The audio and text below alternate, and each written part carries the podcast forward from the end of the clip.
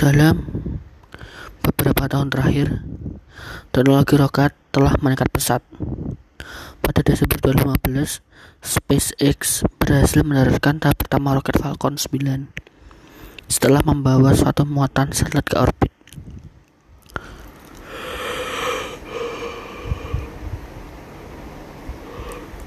Pada Januari 2016, Blue Origin memutuskan pendaratan kedua dengan roket mereka sendiri.